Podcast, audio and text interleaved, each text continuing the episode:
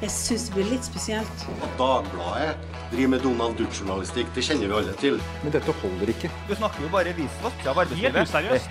You are fake news. Go ahead. Uh, the, the state which was dry. We've seen a number of fires go what we know as pyrocumulus. And what that is, is where the, the actual fire itself causes its own thunderstorm above the fire ground, and then we've had lightning uh, basically form uh, in front of that fire. We saw three fires go pyrocumulus uh, i- during this fire season. We've seen extraordinary things, as in fires then escalate uh, exponentially, which we forecast to occur over 24 hours, happen in the matter of hours. We've seen downbursts and wind strength associated with those that was enough to pick up one of our fire trucks and tip it on its head and kill one of our firefighters. There has been extraordinary weather associated with these fires this year. Um, and typically, where we might see one or two of those this uh, during a fire season, those pyro convections, we saw three within one day. So it has been quite an extra- extraordinary fire season, both in the level of activity, what kind of activity, but also the weather associated with some of these fires. Da vi så omfanget av skogbrannen i Australia, ble jeg nysgjerrig på en ting. I klimaforskningen er vippepunkt et skummelt ord. Det handler om når naturen får nok. Den får bl.a. nok når tundraen blir så varm at den tiner og slipper ut metangass i atmosfæren som har vært lagret i den frosne bakken i århundrer. Det handler om ganske brå og ugjenkallelige endringer. Det jeg lurer på, er om vi også bør snakke om en annen form for vippepunkt. Et som ikke er skummelt, men som også er en brå og ugjenkallelig endring. Et punkt hvor folk i stor skala skjønner hvilken trussel klimaendringene er, som endrer holdningen deres, hva de gjør, hva de tenker, hvem de stemmer på ved neste valg. Finnes det slike vippepunkt? En av de beste måtene å finne ut av dette på, er antagelig å reise til Australia og se hvordan den verste skogbrannsesongen i landet noensinne påvirker menneskene som bor der. Og det var nettopp det jeg bestemte meg for å gjøre. I denne episoden så vil jeg ta deg med på en reise gjennom Australia midt i dette dramaet. Mitt navn er Geir Ramnefjell, og jeg er politisk redaktør i Dagbladet. Oh, good work. Well done. It's good to see the Northern Beaches team getting down Mate,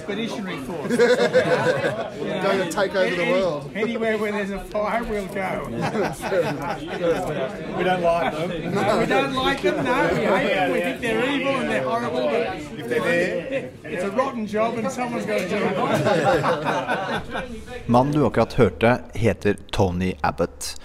Vi møtte han på en bar i den lille byen Adaminaby, hvor han kom inn for å drikke øl sammen med eh, brigaden sin han leder. Han er en frivillig brannmann, eh, og kom inn sotete fra topp til tå etter å ha drevet med etterslokking av skogbrannene her i Australia. Det er ikke først og fremst pga. sine bedrifter som brannmann at eh, vanlige folk og media flokket seg rundt denne mannen i baren denne kvelden. Abbott han var nemlig statsminister i Australia fra 2013 til 2015, og en svært kontroversiell statsminister. Han var kontroversiell på en måte som knytter historien hans tett opp mot brannene som nå raser gjennom Australia. Tidligere statsminister Kevin Rudd fra Labour, Arbeiderpartiet, snekret i 2010 sammen en plan for et kvotesystem i Australia for utslipp av CO2 etter mal av EU. Forslaget fikk ikke flertall, men det ble satt ut i livet i en litt annen form to år seinere. I 2013 vant imidlertid Tony Abbott valget og trakk loven tilbake umiddelbart. Siden har det å sette en pris på utslipp av CO2 vært svært kontroversielt i australsk politikk, bl.a. pga. landets store kullindustri. Både de konservative, som nå er ledet av Abbotts etterfølger Scott Morrison, og Arbeiderpartiet har latt være å love en ny slik plan. Og det var en ting jeg skulle få oppleve under min reise i Australia, at klimapolitikk og klimaendringer i seg selv, det er en veldig kontroversiell sak å snakke om. This, by the way, we're passing is all the material we've re- just removed from our garden. Yeah. My son and uh, our son and his friend helped Gary in the last few days. So all these dead trees we've had to cut down. I actually want to now use. I'm just reading this wonderful book about regenerative agriculture. I want to transform this to a whole new model of agriculture away from industrial agriculture to and turn it into a Garden of Eden Yeah. us- using regenerative agriculture. So that could- be our new project. Yeah. Yeah. I have to sell this to my husband. Yeah. he hasn't read the book yet. How are we going to get Well- through here? This gate doesn't look too healthy, does it? Come on. We, Dama du hører her heter Frances Perkins. Hun og ektemannen Gary Potts eide en stor eh, vingård rett utenfor Cobargo, et av områdene som ble hardest rammet av skogbrannene i Australia. Ekteparet Frances og Gary de mistet alle vinrankene sine i brannen. Hele gården ble avsvidd. En svær, flott drømmested av en gård med eh, fantastisk utsikt over hele området. Bare huset står igjen. Vi fikk lov til å møte Gary og Frances til en eh, prat. Men jeg merka da vi snakka sammen at Gary han syntes det var litt ubehagelig å prate for mye om klimaendringer. Ikke fordi han var noe klimafornekter på noen måte, men han tenkte at det kunne være kontroversielt å snakke om sammen med media. Men Frances hun eh, ga seg ikke, så jeg tenkte det kanskje kunne være lurt å gå en egen liten tur med Frances og snakke med henne, så da gjorde jeg det. I'm, I'm not sure how much you're familiar with what's happened on climate policy. We had a bipartisan support for strong climate action 10, 15 years ago. The right wing of the current government overthrew the more moderate wing, who, which was Mr. Turnbull, who had this, who had accepted or and had been a strong um, advocate for strong policies on climate change.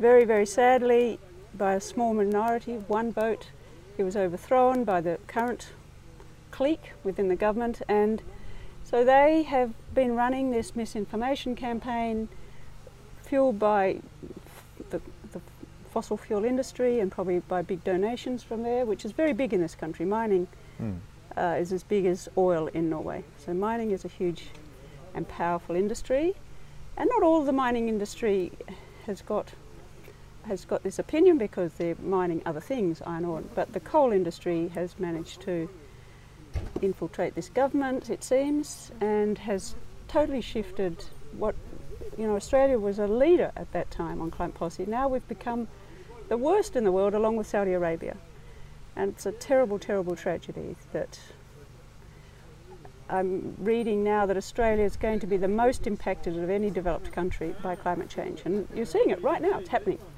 this week. Oh, look, I think at the moment, like the community wants to, to feel loved and embraced. Um, you know, this was this was a big fire. Han karen du hører her heter Andrew Constance og er transportminister for staten New South Wales i Australia. Han bor selv i områdene som er rammet, og har utmerket seg som svært frittalende i dagene etter brannen mens de var på sitt mest intense. Han kritiserte egen regjering og egen statsminister, selv om han kommer fra samme parti som statsministeren selv, The Liberal Party. Han ba regjeringen bla opp sjekkheftet og sa til og med at statsministeren kanskje fikk som han fortjente da han ble jaget ut av byen Cobargo av sinte lokale innbyggere under et besøk der. Men i intervjuet med oss viser Constance en litt annen side. Han gjør rett i å legge stor vekt på arbeidet med å hjelpe de som nå er rammet hardt og er traumatisert etter brannene. Constance sier også til oss at han selv er traumatisert, og at han ble livredd da han måtte flykte fra flammene. Likevel, på spørsmål om dette vil bety endringer i politikken, så blir han litt nølende. Og på oppfølgingsspørsmål om klimapolitikken så svarer han ganske unnvikende. Well, I mean, there's a number of factors which have played out to cause these fires, um, and you know we we've had years of neglect in terms of land management. Um, climate change didn't put the fuel loads in the forest floors. Um, you know we. We've got to look at the way our Aboriginal people used to manage the lands through to previous generations to, to know that land management practices become part of this. Uh, in terms of climate, yeah, I mean, the, the thing is, all tiers of government have climate change policies. I think what is happening. Nå Cobargo. Her ble en rekke hus i eh, hovedgata i byen eh, brent ned til grunnen. Vi har vært og sett på masse eh, ulike hus, eiendommer, hvor folk har mistet eh, alt, de, alt de har. Uh, and then uh, we'll build something and uh, nice and uh, livable. And deal with the council. Han du hørte et lite klipp fra her, heter Philippe Ravenel. Sammen med kona Marie-Claude fikk de huset sitt brent ned i den store brannen i Australia. Midt under intervjuet med, med Philippe og Marie-Claude så skjedde det noe litt spesielt. Da kom eh, en nabo. Han som kom, naboen, det er en som heter Tony Allen. Han er en uh, stor landeier i området og en veldig innflytelsesrik person som det ikke er så lurt å legge seg ut med. Vi fikk ikke gjort noe intervju med Tony Allen, men det han forklarte meg, var at dette her var en hendelse som bare skjer hvert tusende år, og at det man måtte planlegge for nå, var at det man bygget nå, skulle holde de neste tusen årene. Altså ikke noe snakk om klimaendringer som vil øke sannsynligheten for at denne typen hendelser inntreffer. Ekteparet Ravenel var ikke enig i dette, men som de sa til meg, det er ikke noe vits i å krangle med han om det. And Gaia will, once he's asking you questions, he'll sort of step around here so that I'm getting Okay. a good instead of. Etter å ha reist gjennom kilometer på kilometer med nedsvidde skogsområder, kjørt forbi ødelagte landbrukseiendommer, nedbrente hus, så kom jeg tilbake til eh, Sydney. Der møtte jeg dr. Stuart Blanche, som jobber for WWF World Wildlife Fund i Australia.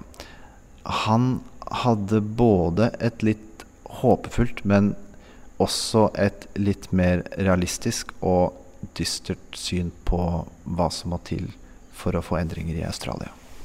I think people are conflicted and they're shocked and they're scratching their heads saying, You've got all this wildlife, you're a country of droughts and flooding rains and bushfires, and yet you are making the world climate change worse. Well, I think we're at a tipping point, a turning point, I hope. Both for ordinary people who doubt climate change, they doubt the science. It's hard to doubt the science of climate change when you're in a, a fire tornado and it's 50 degrees Celsius and your house is being burnt down. I think that convinces many people not to stand in the way of Australia having a more ambitious target under Paris Agreement. But even even now, covering this uh, story here in Australia, traveling, meeting ordinary people and politicians, I have the feeling, and reading the reports in the media, I have the feeling that uh, people are trying to give pushback to people like you and saying, well, it's not all about climate change. Do you really think it will change by this? Uh, look, I wish it would. I don't think we're a very quick learners. 12 months ago, we had a million dead native fish in the Murray Darling Basin caused by the drought, including our fish, Murray cod, hmm. 100 years old, all dying. And these, those fish are adapted to droughts, just like koalas are adapted to bushfires. Trouble is, the droughts and the bushfires are, are on steroids. These are not normal droughts. These are not normal um, bushfires. And uh, to be honest, I think we need some more climate shocks where even the most hardened deny of the science or, the, or just the experience of the new climate reality, they're too embarrassed to troll me online or write letters to the Murdoch press or um, vote for political parties who deny the science. I don't think we're there yet, but I think interestingly the government and maybe the opposition realise that they can't continue on with this facade that our climate policies are adequate. I don't think people will buy that anymore.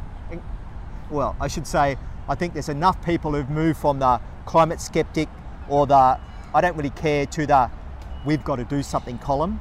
That's my hope. And I, I just hope we don't need too many more of these catastrophes before Australia's a leader, not a laggard on climate.